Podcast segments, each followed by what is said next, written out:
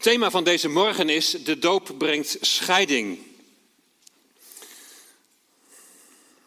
Daarbij bedoel ik niet om nog eens even extra te benadrukken dat de doop in kerkelijk Nederland zo gevoelig ligt en dat dit scheiding brengt.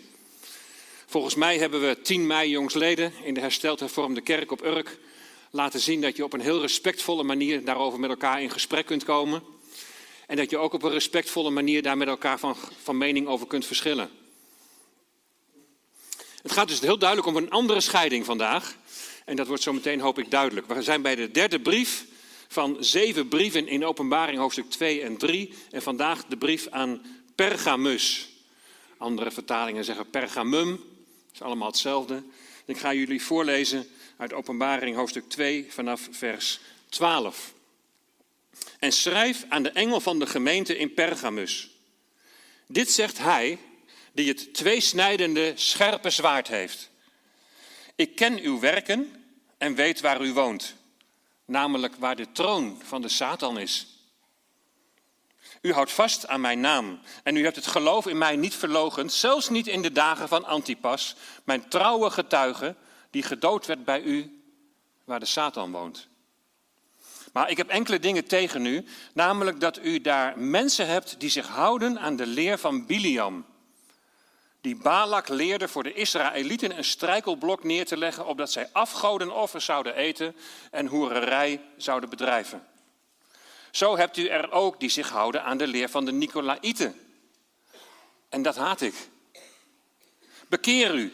En zo niet, dan kom ik spoedig bij u en zal ik tegen hen oorlog voeren met het zwaard van mijn mond. Wie oren heeft, laat hij horen wat de geest tegen de gemeenten zegt. Aan wie overwint zal ik van het verborgen manna te eten geven. En ik zal hem een witte steen geven met op die steen een nieuwe naam geschreven. Die niemand kent dan wie hem ontvangt. Tot zover. Uit het woord van God, uit de Bijbel. Een brief aan de gemeente in Pergamus dat ligt in het toenmalige de provincie Azië, in het huidige West-Turkije. En ze ontvangen daar een boodschap van de Heer Jezus. Een boodschap die hij via een engel, een boodschapper, een, een voorlezer, die hij doorgeeft aan de gemeente. En het is niet alleen een brief voor Pergamus, maar het is ook een brief voor die andere zes gemeenten. En omdat het zeven brieven zijn, zeven het getal van de volheid, zien we deze brieven ook als een brief aan de gemeente van alle tijden. Dus dat ook deze brief een boodschap voor ons heeft deze morgen. Wat heeft deze brief jou en mij te zeggen? Of sterker nog, wat heeft de Heer Jezus jou en mij vanmorgen te zeggen? Want net als de andere brieven begint deze brief met dit zegt Hij. Jezus is hier zelf aan het woord. Het is de Heer Jezus die spreekt. En het is heel belangrijk dat je je daarvan bewust bent. Het is niet een of ander filosofisch discussiestuk. Nee, het is de Heer Jezus die spreekt. En wat doet hij? Hij houdt een spiegel voor. Het is als het ware een soort van functioneringsgesprek. Hoe gaat het in de gemeente in Pergamus? Hoe gaat het in de gemeente in Emmeloord? En de Heer Jezus die wordt hier als volgt voorgesteld. Hij die het tweesnijdende scherpe zwaard heeft. Een tweesnijdend scherp zwaard. We hebben een God die scheiding brengt. Hij snijdt met het zwaard en hij scheidt van één. In Efeze 6, daar staat dat het woord van God het zwaard is. Het woord van God is in de eerste plaats het spreken van God door zijn zoon Jezus Christus. Het spreken van Jezus Christus heeft de werking van een zwaard. En vervolgens is het woord van God, God spreken door de verkondiging van het evangelie. Die blijde boodschap van redding en verlossing. Die verkondiging heeft de werking van een zwaard. Dat als het, als het ware zo figuurlijk in jou en mij zeg maar, gestoken wordt. Het zwaard, het spreken van God door zijn zoon, de verkondiging van het evangelie, raakt je, kan je raken tot in het diepst van je wezen. Dat lezen we in Hebreeën 4, vers 12. Het woord van God is levend en krachtig en het is scherper dan enig tweesnijdend zwaard. En wat doet dat woord? Wat gebeurt er als Jezus spreekt? Wat gebeurt er als het evangelie wordt verkondigd? Het dringt diep door, het wil diep doordringen, daar tot waar ziel en geest, been en merg elkaar raken. En het is in staat om opvattingen en gedachten van het hart te ontleden. Het woord, het spreken van Jezus Christus, dat, dat legt bloot dat ons hart arglistig is. Dat we van nature gewoon op onszelf gericht zijn. Het laat zien dat we door onze zonde ver van de aanwezigheid van God afstaan. Maar bedenk dan ook dit. Niets van wat geschapen is blijft voor hem verborgen. Alles is onverhuld en volkomen zichtbaar voor de ogen van hem aan wie wij rekenschap moeten afleggen. Hij weet alles. Ieder mens zal eenmaal rekenschap moeten afleggen bij God van zijn leven. Dan wordt het zwaard dat scheiding brengt, wordt dan gehanteerd. Het zwaard, het woord spreekt je vrij. Of het zwaard, het woord veroordeelt je. Vrijspraak is er alleen door geloof in de Heer Jezus Christus. Punt. Het zou helemaal terecht zijn geweest als wij zouden worden veroordeeld. Want ons leven staat zo ver af van de volmaaktheid van God. Maar Jezus Christus heeft in jouw plaats, heeft Hij die veroordeling op zich genomen door te sterven aan het kruis van Golgotha. Daarom is er voor jou en mij alleen redding door Hem. Je bent behouden door geloof in Jezus Christus. Hier in deze brief gaat het zwaard in de gemeente van gelovigen. Dat is als het ware een oordeel over hoe functioneert nu eigenlijk de gemeente op dit moment. En eerst laat Jezus horen wat, van, wat hij weet van de gemeente en wat de positieve dingen zijn. En dan zegt hij, ik weet waar u woont. En dan staat er namelijk waar de troon van de Satan is. Dat is nogal een uitdrukking. De troon van de Satan, wat betekent dat eigenlijk? Nou, Pergamus is geestelijk gezien een hele duistere stad. Pergamus, dat is het huidige Bergama, die had toen al 120.000 inwoners. Het was bekend om een bibliotheek met 200.000 boekrollen. Ongelooflijk. Toen de papyrus-import werd verboden, ging men daar op dierenhuiden schrijven, op perkament. Vandaar Pergamus. Pergamus had net als alle andere Griekse steden, hadden ze een acropolis, een, een, een hoge stad. En op die acropolis van 300 meter hoog, daar stonden de tempels voor de goden. Ten eerste had je daar de witte tempel van Zeus met een altaar. Nou, dat altaar is teruggevonden en is nu te bekijken in het Pergamum Museum in Berlijn. Interessant hè, dat dingen teruggevonden zijn. Verder had je beneden aan de heuvel een soort genezingscentrum. Asclepion, waar priesters mensen van allerlei ziekten genazen. Wij kennen daarvan nog het woord esculaap. Dat is een slang die zich om een stok slingert. Dat is een symbool wat je nu nog bij artsen onder de vooruit ziet. En in de derde plaats had je nog de tempels voor de keizerverering. Men moest offeren aan de keizer omdat hij God was. Waarom werd dit gehele complex nu de troon van de Satan genoemd? Nou wel omdat al die goden, Zeus en Asclepius en de keizer, die tooiden zich allemaal met de titel redder, verlosser, geneesheer, heer. En het waren dezelfde titels die de christenen, die wij geven aan, aan de Heer Jezus Christus. Want hij is de ware God en niet Zeus. Hij is de ware geneesheer en niet Asclepius. Alleen Jezus Christus kun je mijn Heer en mijn God noemen. En niet die keizer als een sterfelijk mens. En het feit dat Antipas weigerde als de keizer als heer aan te roepen, heeft hem het leven gekost. In die duistere omgeving, daar is de gemeente van Jezus Christus. En de Heer zegt, ik weet waar jullie wonen, ik ken jullie omstandigheden. Dat is al bemoedigend. Ik weet dat het moeilijk is om hier getuige van mij te zijn. En dan volgt het positieve van de gemeente in Pergamus. Even die spiegel. Hoe staan wij als gemeente, hoe sta jij als gelovige, ik als gelovige in deze wereld? Ze hebben vastgehouden aan mijn naam, aan zijn naam, en hebben het geloof in hem niet verlogend. Ook niet in de dagen van Antipas, toen hij om het geloof ter dood werd gebracht. Ze hebben volgehouden. Wij verkondigen de naam van Jezus Christus tegen alle weerstand in. Want alleen door Hem is er redding mogelijk. Alleen door Hem is er toegang tot God de Vader. Alleen door Hem is er eeuwig leven. Nou, als je dat weet en als je daar ter volle van overtuigd bent, dan kun je daar toch niet van zwijgen. Dan moet je daarvan spreken. Ook als dat grote gevolgen heeft, zoals hier in de gemeente in Pergamus. Maar dan gaat het mes erin. Ik heb enkele dingen tegen u. Dat klinkt niet prettig. En dat hoor je niet graag. Liever niet. Maar Jezus zegt het met een doel. Niet om mensen daarmee eens even flink om de oren te slaan en ze de grond in te trappen. Nee, hij vertelt dit heel eerlijk, opdat zij de gelegenheid krijgen om zich daarvan te bekeren.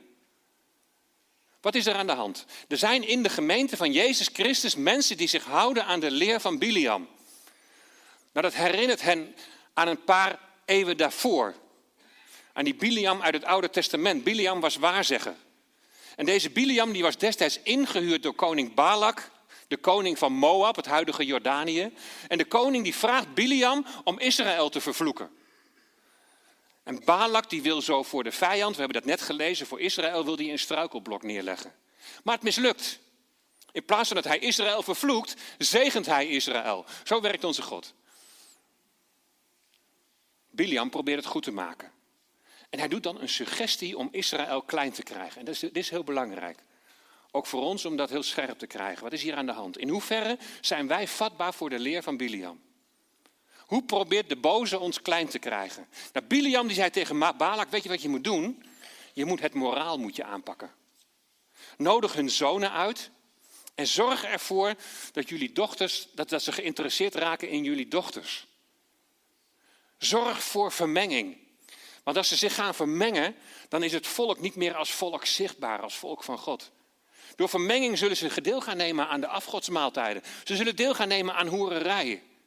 Er zal een compromis gesloten worden met het heidendom. Afgoderij en seksuele immoraliteit. We hebben de vorige keer al gezien, dat is ook de kern van de leer van de Nicolaïten. Het grote probleem van de gemeente in Pergamus is dat, dus dat een deel van de gemeente meegaat in wereldgelijkvormigheid. Er vindt vermenging plaats. En je staat met het ene been in het geloof en, en je staat met het andere been in de wereld. Een beetje van dit en een beetje van dat, een beetje half gebakken allemaal. Het is niet helemaal 100% voor de Heer Jezus. Vorige keer hebben we al gezien bij de gemeente in Smyrna dat je geloof zomaar een kwestie kan zijn van slechts deelname aan een religieus systeem. En wereldgelijkvormigheid, als daar dan de discussie over gaat, dan gaat het al gauw over van mag je wel of niet een tv in huis hebben of wat mag je wel of niet op zondag doen.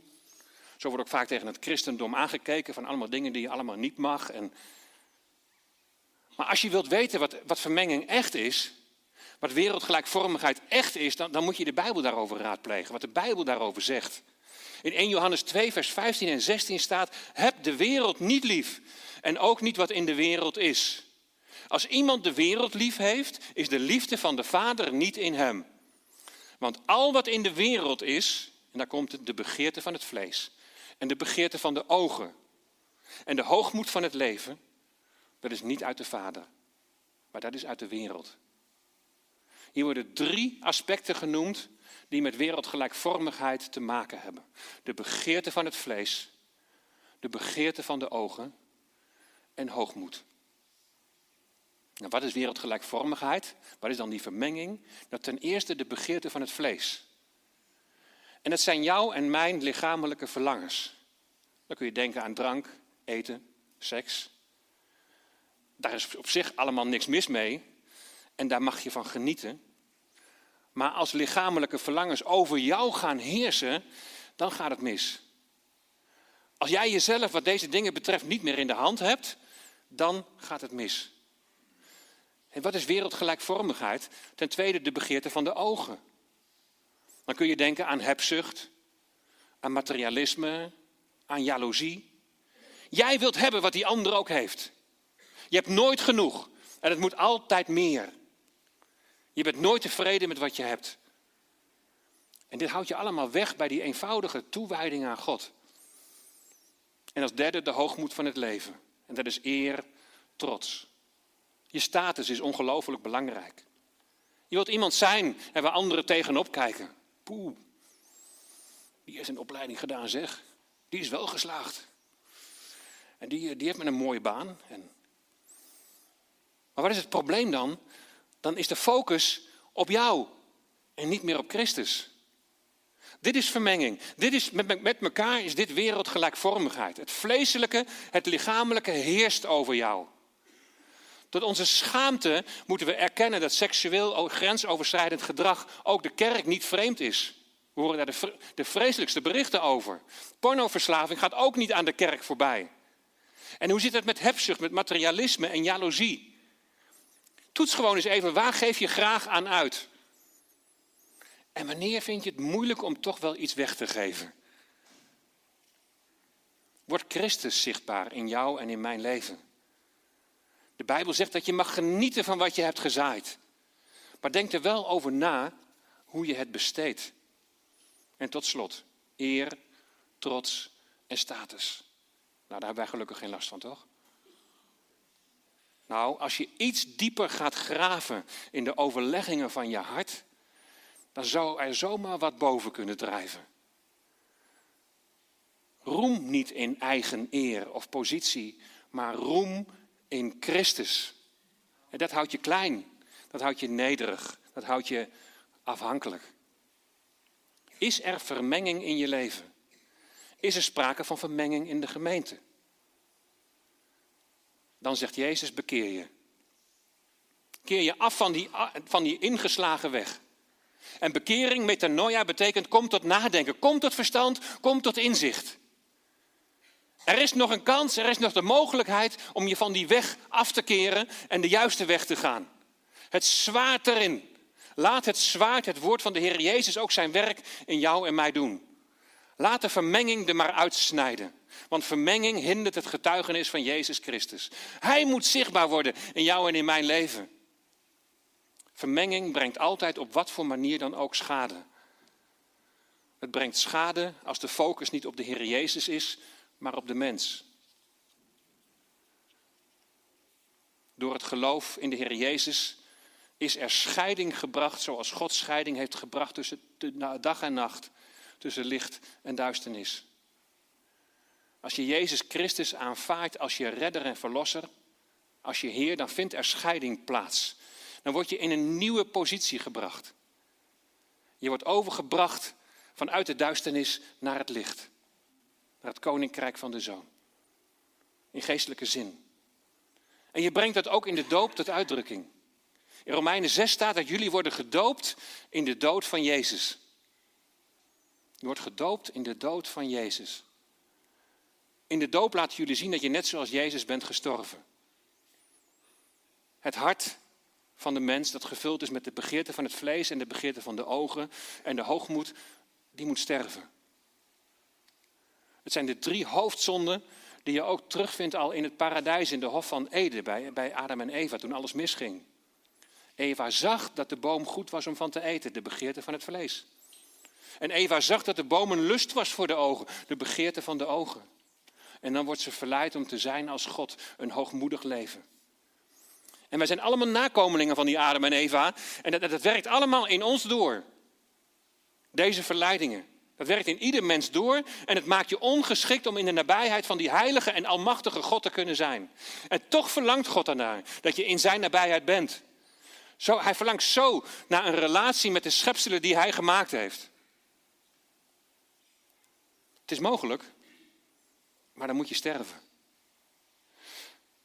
In de doop word je gedoopt in Jezus dood. Je sterft aan je oude leven dat geen grip had op het vlees en op de ogen en op de hoogmoed. Je sterft en je wordt begraven in het watergraf. Het lijkt er wel eens op dat het voor veel mensen dan daarbij blijft. Mijn zonden zijn vergeven. Ik ben gered. Maar Ik blijf een arme bedelaar. Ik blijf zondaar tot mijn dood. Lieve mensen, dit is een leugen. Die de vader van de leugen, de Satan, er maar al te graag in wil wrijven. De doop brengt scheiding. Je blijft niet in het watergraf.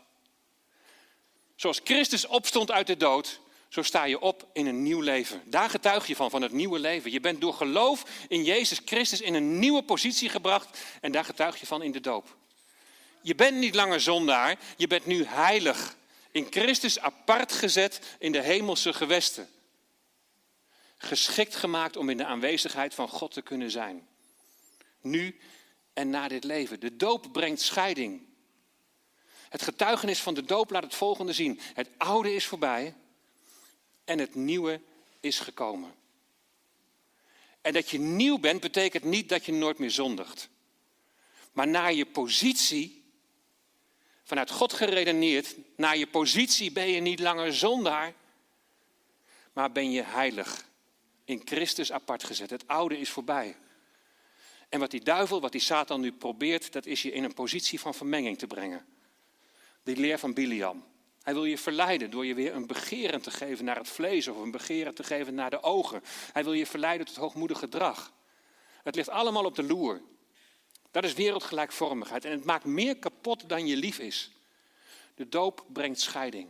De doop is een statement dat je bent gestorven. Dat betekent ook gestorven voor de verleidingen van Satan. En als hij je verleidt, herinner hem dan aan je doop. Dat je zegt, je hebt geen vat meer op mij, want ik ben gestorven. Mijn oude leven is begraven, is weggedaan. En stuur hem weg in de kracht van Jezus' opstanding. Om de boze te weerstaan, moet je je vernederen onder de machtige hand van God. Leven in afhankelijkheid van Hem. Dat is het allerbelangrijkste. Om de boze te weerstaan mag je pleiten op het bloed van Christus. Dat je, dat je mag zeggen, dat offer was ook voor mij. Om de boze te weerstaan, moet je ook groeien in geloof. En dat doe je door samen te bidden. Als man en vrouw samen dagelijks voor de troon van God. Ook samen bidden in de gemeente, opdat we zo van elkaar ook daarin kunnen leren. Groeien in geloof doe je door, door samen de Bijbel te lezen. En door je van dat, uit dat woord te laten onderwijzen. Opdat je geestelijk mag gaan groeien. En meer en meer leert om op Hem te vertrouwen. Groeien in geloof doe je door, door in de gemeente deel te nemen.